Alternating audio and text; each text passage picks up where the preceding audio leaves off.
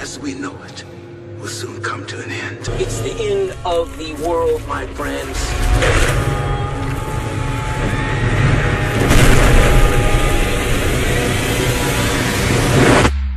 Lord is walking. Ketemu lagi Oke, kita. selamat datang. Kembali lagi berjumpa dengan kita di de- episode channel di- 3. Oke, hari ini kita mau bahas soal seputar akhir zaman. Bukan mengupas tuntas ya, kita ngobrol-ngobrol santai Oh, di sini. Panjang kalau ditunda, dikupas. Panjang, ini nggak kelar. Mungkin bisa 40 episode sendiri kali. Udah gitu nggak tepat lagi. Iya, gitu sama gitu. Nah, apa eh, ilmu apa yang mempelajari akhir zaman Eskatologi. Eskatologi. Yes. Menurut lo apa nih yang harus kita perhatiin kan kalau orang ngomong sekarang, bu, kamu udah mau akhir zaman, mau akhir zaman, apalagi ini COVID lagi disangkut pautin. Yes. Itu apa ini akhir zaman? Sebenarnya yang jadi jadi kok jadi kenapa kita angkat ini ya pasti eh, kita lihat kan eh, isu tentang akhir zaman bahkan prediksi-prediksi tentang kedatangan Yesus tuh selalu muncul dari masa ke masa bahkan dari zaman dulu kan.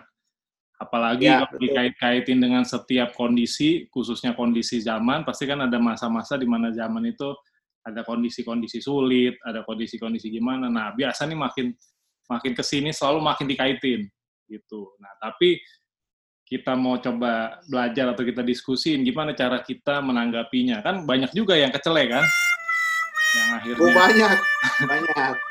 gitu. Nah kalau bicara akhir zaman sendiri ya lo sendiri gimana lo pasti kan udah sering denger nih ada Nah, yang mimpi lah, ada Gue yang segala macam. mau cerita nih, gue mau cerita nih.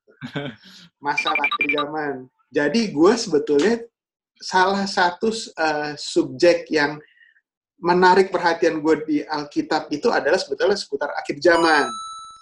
Nah, beberapa tahun ke belakang itu gue sempet eh, gue sempet ngikutin satu orang dia eh, dia banyak bicara soal akhir zaman, tanda-tandanya khususnya. Jadi Yes. bukan Ah, bukan bukan apa ya bukan cerita mengenai si tapi tanda-tandanya dia bahas tanda-tandanya nah gue saking meng, meng- apa ya mengkagumi si orang ini mm-mm. gue sampai apa ya kayak kayak kayak bodoh gitu jadi bodohnya itu gue gue kayak dibutakan. apa ya istilahnya dibutakan.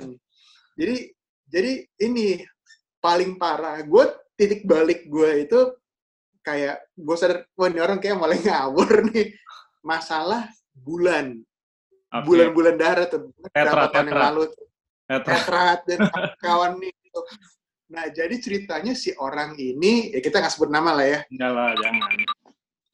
ya ceritanya si orang ini dia eh, bener-bener kayak sangat meyakinkan gue. Gue gue bukan orang yang gampang untuk dipercaya untuk dibuat Hmm. percaya gitu. Tapi dia bisa dengan segala teori dan fakta yang dia sajiin jebret ke muka gue, gue sampai oh no, ini kayak bener-bener Tuhan besok datang nih. Heeh. Nah, jadi nah pas menjelang menjelang eh, periode bulan blood moon blood moonan itu, Ah. itu gue gue sampai gue bener-bener memfokuskan diri gue ke Tuhan. Parno ya. Gue bener-bener gue hidup, gue bener-bener ah eh, bukan pano, gue jadi bener-bener fokus ke ke Tuhan. Kerjaan gue nggak pikirin nih, kacau kan itu. Jadi ada sisi Nah, positifnya, tapi ada sisi negatifnya. Iya, karena karena gue gue begitu terkes ter, apa ya terkesima dengan penjelasan dia dengan fakta yang dia kasih lihat sama uh, bukti uh, teori-teori segala macam itu gue sampai wow ini kayak bener-bener nih besok Tuhan datang nih nah itu gue sempet gue sempet yang kayak kerjaan tuh gue kayak kayak gue kayak gue udah berpikir kayak orang Tuhan mau datang udah minggir aja gitu kerjaan gue fokusnya dulu. Tapi sampai belum belum belum belum sampai tetrat yang keempat itu Belum sampai jual harta ya. belum belum belum belum belum belum. Gue gue gue gue akhirnya ber- berpikir kayaknya gue salah nih. Eh gue nangkepnya yang gue tangkep tuh mungkin beda sama dia maksud. Terus gue sampai panik gue gue gue kayaknya ngawur nih kalau begini nih gitu Kalau itu sih seputar pengalaman gue kalau gue juga gue juga ngalamin, maksudnya kayaknya banyak banyak ya. Ketika gue ma- mulai-mulai tobat tuh ya 997 gitu-gitu, itu seminar akhir zaman tuh selalu yang menarik perhatian gue. Itu selalu yang menarik. Ah. Karena kan temanya tuh kayak kayak udah ada hitungannya, ya kan? Terus iya iya iya iya. pas pas lo lagi tobat-tobatnya, terus tiba-tiba kayak Tuhan Yesus mau datang tuh kayaknya wah pas banget gitu, ya kan? pas banget nih Bro sampai nangis-nangis nunggu-nungguinnya gitu. Tapi eh, seiring waktu dan gue juga nggak pernah bu- bukannya eh, apa ya eh, menyalahkan apa gimana, tapi gue tetap tetap dengerin aja gitu, dengerin dengerin sampai sampai sekarang pun. Cuman mungkin responnya udah beda gitu. Responnya bukan berarti gue bilang oh ini sesat apa gimana enggak. Cuman eh, gue ngelihat ternyata itu tuh berkembang. Misalnya kayak zaman dulu ya eh, apa ya gue deh sama lah kayak lo sempat ngeliat-ngeliatin dibilang tanda-tandanya dari dari masalah baik Allah lah batu pertama udah ditaruh lah ya kan terus Iya, iya, masalah dulu. Oh dibilang oh ini tinggal jubah jubah ungunya si apa imam nih yang masih belum ada nih. Tiba-tiba nggak berapa lama muncul keong atau siput di pantai yang menghasilkan ungu yang sejenis itu. Ya kan oh akhirnya berarti udah cukup. Abis itu nggak berapa lama lama-lama lembu merah gitu. Tinggal lembu merahnya nih. Lembu merahnya nggak boleh ada satu bulu berapa bulu helai bulu yang warnanya beda. Sampai lembunya itu mungkin udah dipotong kali kita nggak tahu ya terus habis itu dikait-kaitin dengan eh, Yobel dengan kalender-kalender Ibrani. Dia hitung-hitung lah udah udah jadi perimbonan juga kan. Terus, iya ya kan? hitung-hitungan begitu. Ya, sampai dengan tetrat segala macam yang which is gue pernah nanya kalau apa waktu eh, apa keluarga gue ada yang ke Israel gue sempet, sempet bilang tolong tanyain ke orang sana beberapa orang mengenai tetrat. Dan orang Israel yang di sana nggak gitu pusing yang aneh gitu biasa aja sih. Iya bener bener. Kita yang heboh Iya, gitu. mereka bisa iya bener. Gitu. Dan yang emang eh, apa eh, hawanya tuh ya jadi jadi jadi bikin memang positifnya adalah bikin bikin fokus kita nggak beralih gitu. Jadi aduh ini tahun udah mau datang jadi nggak pengen bikin dosa kan? Iya. Tapi iya. yang gue pelajari adalah gini eh, takut akan Tuhannya tuh bukan karena bukan karena memang perasaan kita cinta sama Tuhan jadinya tapi karena ketakutan. Beda gitu. Jadinya oh, jadinya karena ketakutan, karena istilahnya, oke deh, misalnya lo udah dikasih tahu Tuhan Tuhan Yesus datang tanggal 1 Juni, otomatis kan dari detik ini sampai tanggal 31 Mei lo nggak akan bikin dosa, gitu kan. Gua udah pasti. Tapi udah al- pasti. tapi alasannya tuh cuman karena itu. Sedangkan kalau memang lo mau tobat, hari ini lo tahu itu salah, hari ini lo tobat. Iya dong, gitu. Ketika lo Iya, tahu iya. itu nggak menyenangkan Tuhan, hari akhirnya kayak gitu. Jadi eh, intinya sih, gue ngelihatnya seperti itu ya. Tapi memang ada juga yang akhirnya menjual, menjual, menjual tema-tema seperti itu, gitu. Yang yang sebenarnya akhirnya yang jadi jadi efek kalau gue bilang efek negatifnya bisa akhirnya menimbulkan kekacauan, menimbulkan kekacauan daripada pengharapan yang benar. Ya tadi kayak kita lihat kita sendiri pengalamannya positifnya ya kita jadi tanda kutip agak parno dikit jadi tobat. Ya tapi mungkin eh, terus kan eh, ya di beberapa tempat bahkan ya kita lihat lah sejarah. Gue sempat buka juga di apa eh, di data ya istilahnya. Ini sebenarnya kejadian di tahun 156 udah pernah ada tahun 500 1 Januari tahun 1000 sampai 73 kurang lebih ada 13 lebih yang gue bisa temuin data-data mengenai eh, apa tafsiran atau hitungan mengenai kedatangan Tuhan. Ya kan? Sampai kita Iya. sendiri gue sempat ngalamin di tahun 2003 ya gue nggak sebut lah orang udah pada tahu tuh satu satu satu gereja yang ada hamba Tuhannya di situ yang sampai ngumpul mereka di situ sampai akhirnya di bukannya Yesus yang datang habis itu polisi yang datang gerbek. Polisi datang digerebek dibubarin nih. Itu kejadian juga terus mungkin kita sempat ingat juga tahun 94 ya kalau nggak salah sama tahun 2011 itu orang yang sama namanya Her, eh, ya pasti kalau- karena di Google udah tahu ya si Harold Camping itu dengan segala macam perhitungannya segala macam itu ya sama lah gitu. Dan detik akhir-akhir ini juga gue ngeliat juga di beberapa uh, YouTube beberapa itu terkait dengan corona ini udah mulai nih huruf coronanya ini dikait-kaitin tiba-tiba jadi 666 dijumlahin. Biasalah kita udah ketok logi ketok logi ya, uh, udah mulai dihitung-hitung segalanya gitu. Itu sih yang yang mungkin jadi jadi apa ya jadi isu ya. Ya mungkin positifnya juga buat si pembicara akhir zamannya ini jadi jadi laris bro. Jadi diundang ke mana-mana kan?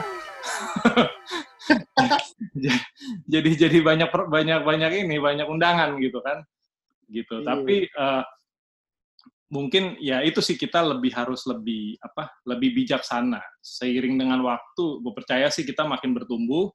Dan gue sadar pengharapan gue tuh sama Tuhan harusnya bukan karena ya kita harus berharap kedatangan Tuhan gitu kan Maranatha gitu. Tapi, oh iya iya. Itu itu itu pasti tapi itu kita bukannya jadi kepo untuk ngitung-ngitungin segala hal kapan Tuhan mau datang itu sih bro kalau dari gue gitu Iya, gue gue akhirnya setelah setelah uh, eh, gue tersadar gitu, terus gue tuh akhirnya jadi jadi jadi menentukan sikap gini.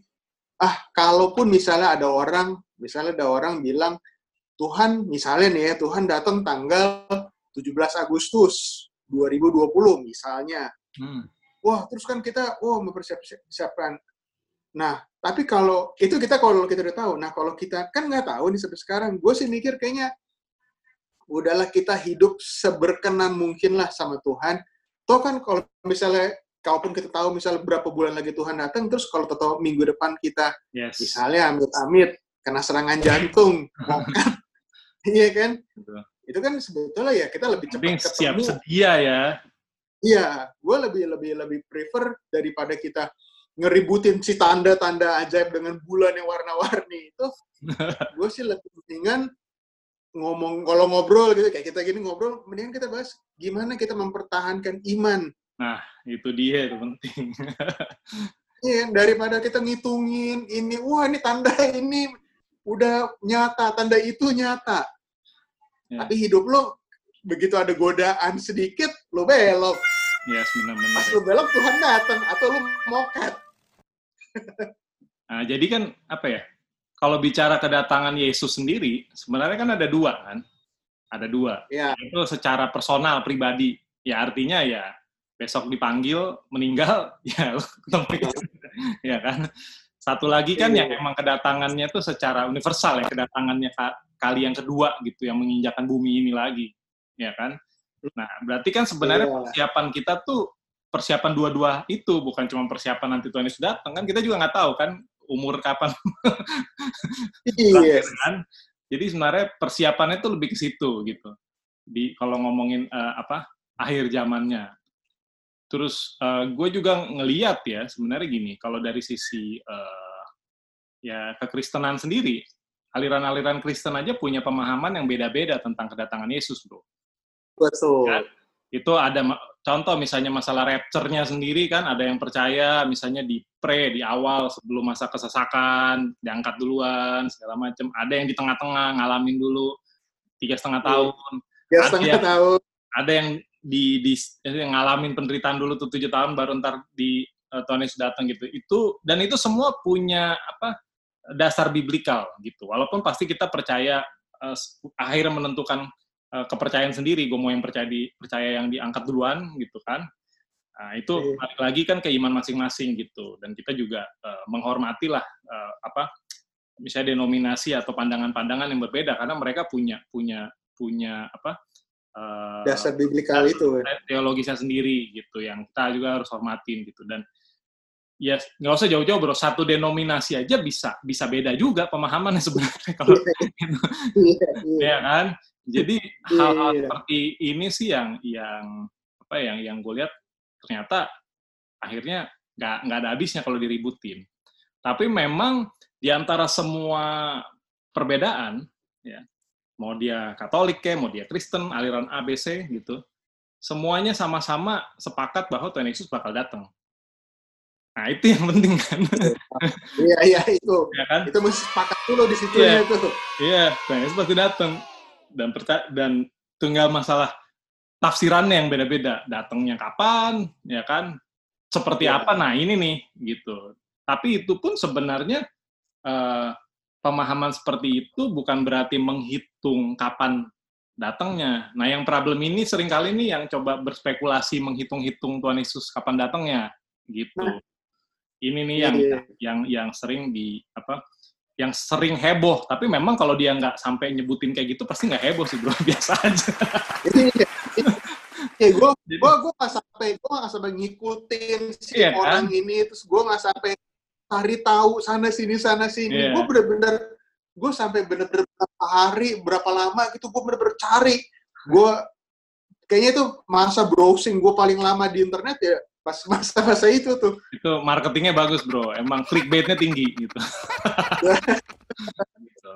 nah bicara mengenai akhir zaman sendiri sebenarnya eh, apa yang udah pasti tadi kita bilang semua gereja punya pengharapan yang sama bro. Bahwa Tuhan Yesus pasti datang ya kan? Pas sudah berarti kan sebenarnya kesamaannya tuh di sisi pengharapannya.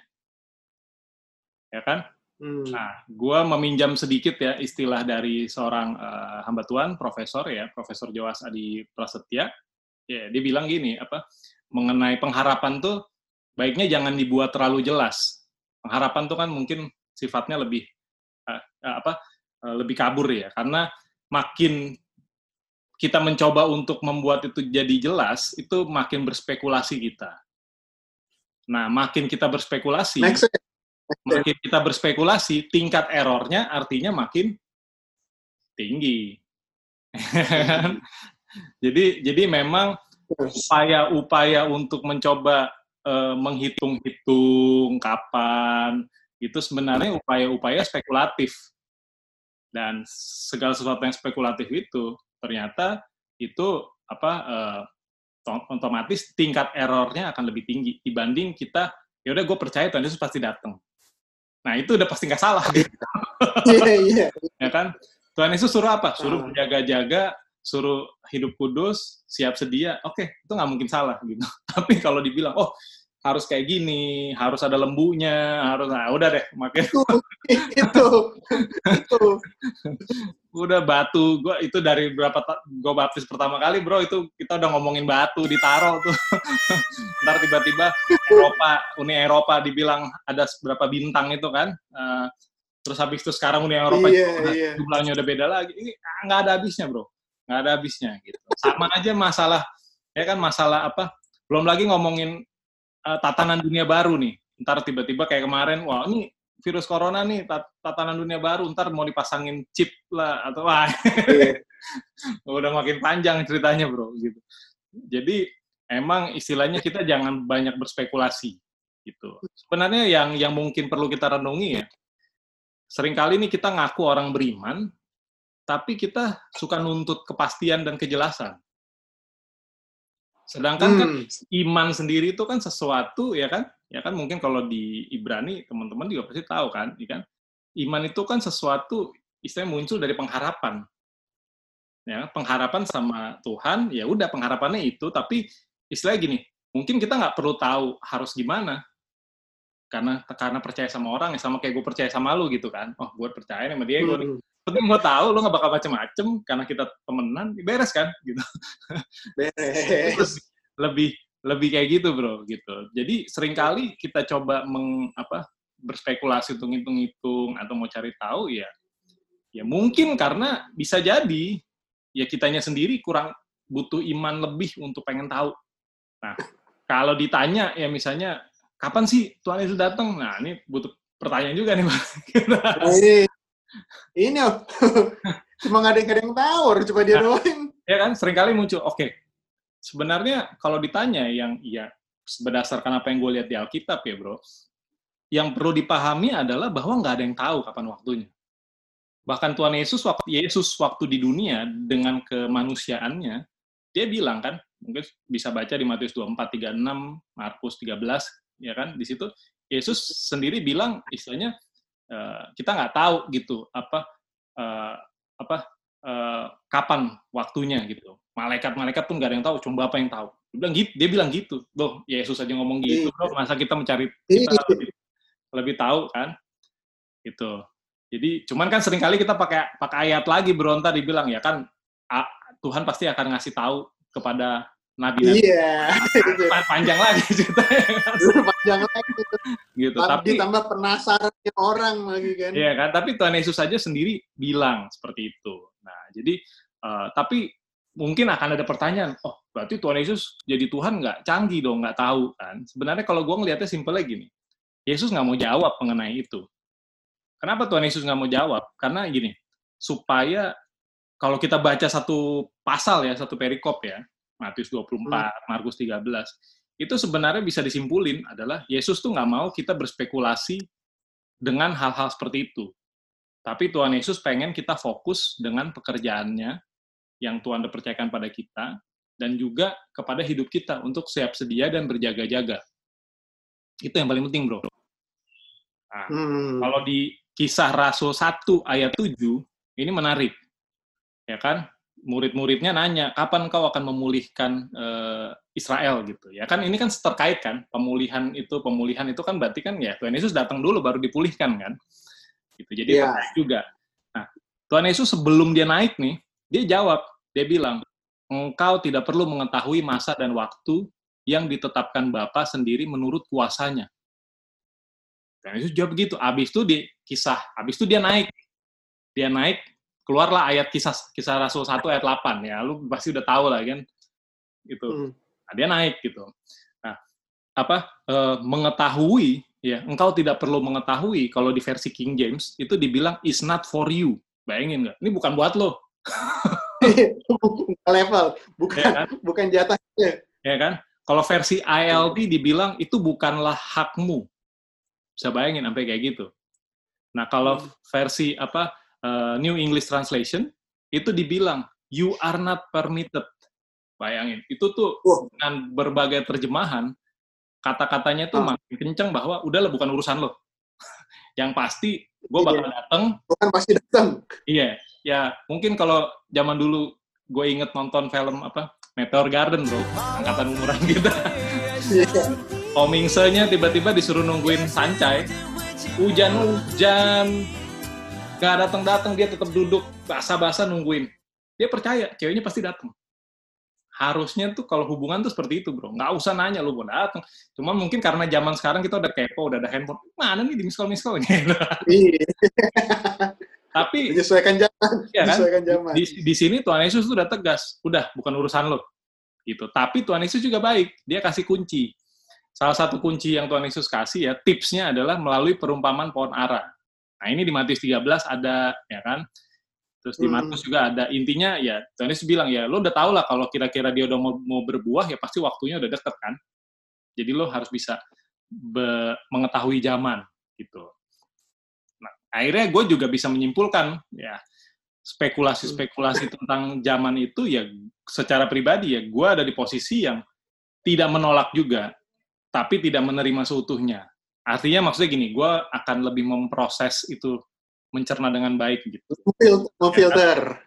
memfilter. Memang ada baiknya untuk kasus tentang akhir zaman, kedatangan Yesus yang kedua, memang terus terang akan agak sulit, ya agak sulit untuk dipercaya bahwa misalnya ada orang yang bisa tahu dengan dengan detail dengan jelas. Memang karena alasan-alasannya banyak ya. Yesus aja nggak tahu, Bapak yang tahu. Terus istilahnya Tuhan Yesus tuh sebenarnya suruh kita melihat zaman tuh artinya bersiap-siap, bro.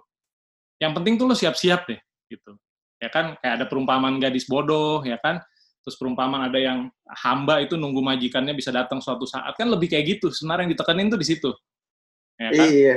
terus sometimes bro gue juga nemuin kalau lo udah tahu tentang masa depan juga bukan berarti bikin lo jadi bertobat juga sih Enggak juga sih. Enggak juga. Kalau Cuman lo udah dasar mungkin belangsak, misalnya belangsak. misalnya dibilang dibilang Tuhan Yesus datang tanggal tanggal 1 Juni gitu ya ya bisa jadi ada orang yang benar-benar mau menikmati dunia ini dia puas-puasin dengan segala eh, kenikmatan dunia ini sampai tanggal 29 tanggal 30 dia baru tobat bisa jadi Iya. Kalau kah- kalau nggak kena serangan jantung dulu Ah. kan. ya kan artinya kan memang ya kedatangan itu ada dua yang sifat personal sama universal ya kita harus siap dua-duanya gitu terus Hmm. istilahnya nah kalaupun ada orang yang benar-benar bisa ngitung secara detail secara istilahnya udah hebat banget kayak yang lo bilang lah ya sebenarnya Hmm. prosesnya itu secara teologis nggak mudah. Karena kalau dia menemukan itu, dia harus dibuktikan dulu secara teologis. Hermeneutisnya tuh bener-bener dari kajian-kajiannya bener nggak sih? Itu prosesnya panjang, bro. Nah, Hmm. kalau dia udah bisa lewatin semua itu, ketemu para-para ahli yang udah ini, barulah boleh ngomong di publik. Ya itu pun sebenarnya menurut gua, kalaupun di- disampaikan di publik juga lebih tetap kata-katanya spekulasi, jadi prediksi lah. Jadi nggak bisa kita bilang pasti gitu, karena udah banyak banget kecelek ya kan, gitu. Jadi Iya. prosesnya itu juga eh, nggak mudah. Cuman kan problemnya sekarang orang dapat mimpi dikit, besok dia udah cerita tuh Yesus mau datang. Oh iya iya iya iya. iya. Ini nih, Beras- berasa banget messenger iya gitu. Tuhan Kita langsung. lupa ayatnya susah bro. ya kan Habis, kita nggak tahu dia. mimpi Iya kan? Jadi ya ya gitu deh gitu. Nah, tapi memang Tuhan Yesus pasti datang. Nah, ciri-cirinya ya Tuhan Yesus kalau datang ya di kisah Rasul 1 tadi, Bro. Tadi kita baca ayat 7, habis itu ayat 8, nah kisah Rasul tadi, di seterusnya kita bisa lihat yang pasti Tuhan Yesus datang ciri-cirinya secara fisik bisa dilihat dan penuh kuasa kemuliaan. Pasti seperti dia naik, seperti itu dia akan datang, gitu kan. Nah, Nah, ini kan berkaitan juga dengan nubuatan-nubuatan. Gitu. Nah, nubuatan-nubuatan juga kita nggak boleh salah memprediksi. Mungkin nanti akan ada waktunya nih sesi kita nih membahas mengenai nubuatan, bro. Gitu. Tapi nah iya. secara simpel ini kan nubuatan ada yang sebenarnya udah digenapi, tapi nggak berlaku lagi di kondisi masa depan. Istilahnya nggak akan terjadi lagi.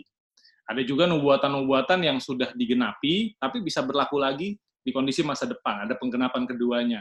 Itu kayak kayak apa bro contohnya misalnya? Ya, ada sih beberapa ayat. Jadi kayak misalnya contoh kayak mengenai pembinasa keji contoh ya. Pembinasa keji itu kalau di sejarah sebenarnya ada ada catatan sejarahnya memang ada ada siapa namanya gue lupa tuh yang eh, gitu dan dia Hmm, benar-benar iya. mempersembahkan mempersembahkan binatang najis di di bait Allah tuh babi ditaruh di situ bro dan itu kejadian ada sejarahnya gue lupa namanya Epiphanes apa siapa gitu ya. Lu eh sorry ini gue gua gua nggak inget namanya tapi kira-kira kayak gitu ya. Ya kan Nah, itu ada kejadian dan itu udah terjadi di sejarah. Tapi kan bisa aja itu terjadi lagi di zaman zaman nanti si antikris yang siapalah itu kita nggak tahu lah kayak gitu. A- akan Kira bisa. siapa lah? Oh, ada juga yang emang cuma kejadian sekali misalnya apa yang waktu di zaman Daniel itu kan Daniel punya banyak penglihatan ya. Nah itu kejadian di zaman dia yang abis itu nanti ada eh, kan eh, dia dari zaman Babel terus tiba-tiba media Persia ngancurin segala macam nah itu itu ada yang kejadian. Dan ada juga nubuatan-nubuatan yang kayak di Wahyu ya terutama itu yang belum kejadian-kejadian sampai sekarang misalnya. Kayak gitu. Jadi oh. ini nanti kita bahas sendiri lah urusan-urusan nubuatan nih. Oke, urusan nubuatan juga menarik. Episode sekian kita kita bahas nih. ya gitu kan. Nah jadi eh ya bicara kedatangan Tuhan Yesus sendiri kan sebenarnya ada yang sifatnya kehadiran. Itu kalau di satu Tesalonika 3 tuh artinya presence tuh kehadiran tuh pakai eh, bahasa Yunani par, parousia ya kan ada yang sifatnya eh, kayak model eh, apa kalau di Wahyu itu sifat eh, apa di kitab 2 Tesalonika 2 Tesalonika itu sifatnya manifestasi atau pewahyuan atau eh, apokalipsis. Nah, itu banyak-banyak istilah juga gitu. Cuman memang kita nggak jangan sampai blunder dengan terlalu mencoba berspekulasi tentang kedatangan Yesus. Yang paling penting kita harus fokus mempersiapkan diri. Ya kan? Oh iya iya, gua gua setuju tuh. Kayak itu itu yang paling penting sebetulnya. Ya kan? Itu karena kalau ditanya tanda-tanda itu dari zaman Tuhan Yesus hidup juga udah terjadi. Zaman emang udah kacau, gempa bumi emang udah ada gitu. Ya Iya iya. penyesat-penyesat gitu.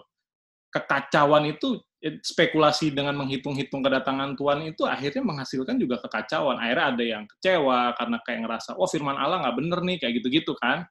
Terus Iya. yang lebih parah bro, akhirnya ini sebenarnya udah tercatat di Alkitab. Jadinya waktu itu di zaman Paulus, mungkin kalau kita baca di 2 Tesalonika 3 ayat 10, kita pasti udah sering dengar kan, eh, itu eh, itu di 2 Tesalonika itu, Paulus sampai negor, lu terlalu berspekulasi ngitung-ngitung kedatangan Tuhan, akhirnya orang-orang tuh jadi jadi jadi nggak tertib, jadi nggak mau kerja. Makanya muncul ayat, kalau siapa yang nggak kerja, janganlah ia makan. Gitu bro.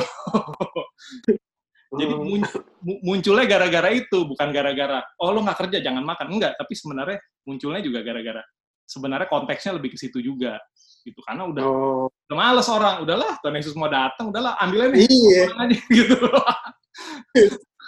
Daniel 12 ayat 4 itu kan di situ dibilang, ya kan Daniel bilang segala firman itu disembunyikan dan dimeteraikan sampai akhir zaman supaya banyak orang akan menyelidikinya dan pengetahuan akan bertambah. Jadi memang menyelidikinya sih nggak apa-apa, bro. Lo cari tahu, tapi jangan sampai itu menyesatkan kita juga gitu. Tiba-tiba kita, wah nih, karena ya berdasarkan pengalaman pribadi kita sendiri, itu ternyata berubah terus. Ya contoh misalnya masalah percip-cipan aja kan dulunya kita bilang, oh anti iya. kalau lo pakai barcode lah, pakai apa, sekarang tiba-tiba pakai chip lah. Tapi kita sendiri belum tahu itu nanti masalah chip itu dosa apa enggak, karena kan enggak, belum tentu ada hubungan sama iman kan. Jadi dan iya. pengetahuan itu kan berkembang gitu. gitu. Dulu dibilang, wah oh, si antikrisnya ini si si apa religion inilah yang suka menganiaya, ternyata kan makin lama makin beda juga gitu. Jadi makin seiring uh, pengetahuan bertambah gitu. Jadi otomatis tafsiran-tafsiran itu relevansinya juga terus berkembang.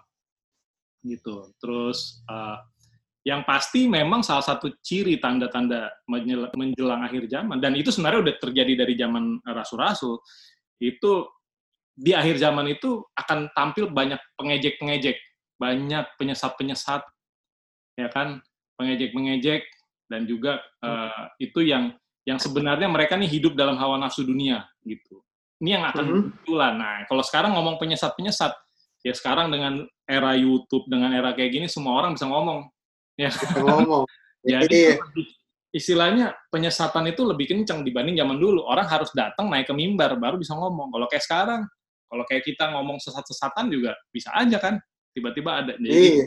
lebih gampang gitu dengan sosial media, dengan segala macam. That's why makanya salah satu reason kita bikin ini juga dengan pembicaraan-pembicaraan yang sifatnya santai, tapi ya kita coba tetap on the track lah, bro. On the track. On track. Ya. Nah, kita lancang tapi tetap dalam on the track. Ya. Terus, uh, nah, Paulus sudah pernah ingetin di 2 Tesalonika 2, ya kan? Ya kan ayat 1 sampai 3. Di situ Paulus tuh kayak bilang gini, jangan bingung dan gak usah gelisah tentang kedatangan Tuhan Yesus. Baik oleh oleh ilham roh, ya kan, maupun pemberitaan-pemberitaan seolah-olah tuh hari Tuhan tuh udah tiba. Nah, dilanjutin sama Paulus. Intinya sebenarnya apa? Yang penting jangan memberi dirimu disesatkan orang dengan cara bagaimanapun juga. Jadi sebenarnya itu udah terjadi dari zaman dulu, bro. Kayak gitu-gitu. Hmm. Gitu. Berbicara mengenai akhir zaman tuh artinya persiapan. Ya. Persiapan, mempersiapkan diri, pengharapan akan kedatangan Yesus. Ya, lu udah siap belum? Jangan cuma lo ngitung-ngitung lo nggak siap-siap. Terus bicara mengenai akhir zaman atau kedatangan Yesus yang kedua pun itu berbicara mengenai pemisahan. Akan ada pemisahan antara orang jahat dan orang benar. Melalui kejadian-kejadian seperti ini. Penyesatan-penyesatan tuh ya ada terjadi. Terus ya akhir zaman juga bicara mengenai pemurnian, Bro. Ya kan? Yang yang perlu ditekankan kan dengan kondisi seperti ini kan akhirnya mana yang murni gitu kan. Ya kalau kalau gue sih kalau udah bahas akhir zaman kayaknya sekarang kita ya kita terima terima sharingnya oke. Okay. Tapi kalau untuk membuat kita wah hanya memikirkan itu aja kayaknya sih nggak bener juga gitu ya. Kayak kita jadi harus mempersiapkan dua ya memang satu yang Tuhan pasti datang sama mempersiapkan kedekatan kita sama Tuhan juga gitu. Iya, kesimpulannya lah ya. Jadi kesimpulannya akhir zaman ini yang paling penting tuh tugas kita adalah menguasai diri, kita tetap melayani. Ya. Jadi oh, setuju. di akhir zaman ini penyesatan makin banyak, tapi Tuhan Yesus terus uh, ingetin kita untuk tetap berjaga-jaga, tetap menjaga diri, tetap melayani, ya kan, mempersiapkan kedatangannya, memelihara roh, jiwa dan tubuh kita supaya sempurna dan tidak bercacat pada saat kedatangan Tuhan. Itu, Bro. Oke, waktu kita habis nih. Waktu kita habis. Ya, sekian bincang-bincang lancang. Semoga tidak ada yang tersinggung dengan dengan spekulasi-spekulasi yang disampaikan. Kan kita ngobrol santai. Yang yang kalau yang mau percaya nggak apa-apa. Mau percaya boleh. Yang mau percaya. Mau setuju boleh. Nggak setuju boleh. apa-apa. Oke. Oke. Sampai ketemu. Jangan lupa di podcast kita juga. Yes. Kalau yang mungkin sambil di jalan, sambil nyetir, boleh dengerin podcast kita. Ini adalah udah episode yang ketiga. oh, udah, udah ada. Udah muncul. Oke, kalau begitu sampai jumpa di episode selanjutnya. Bye-bye. Bye. -bye.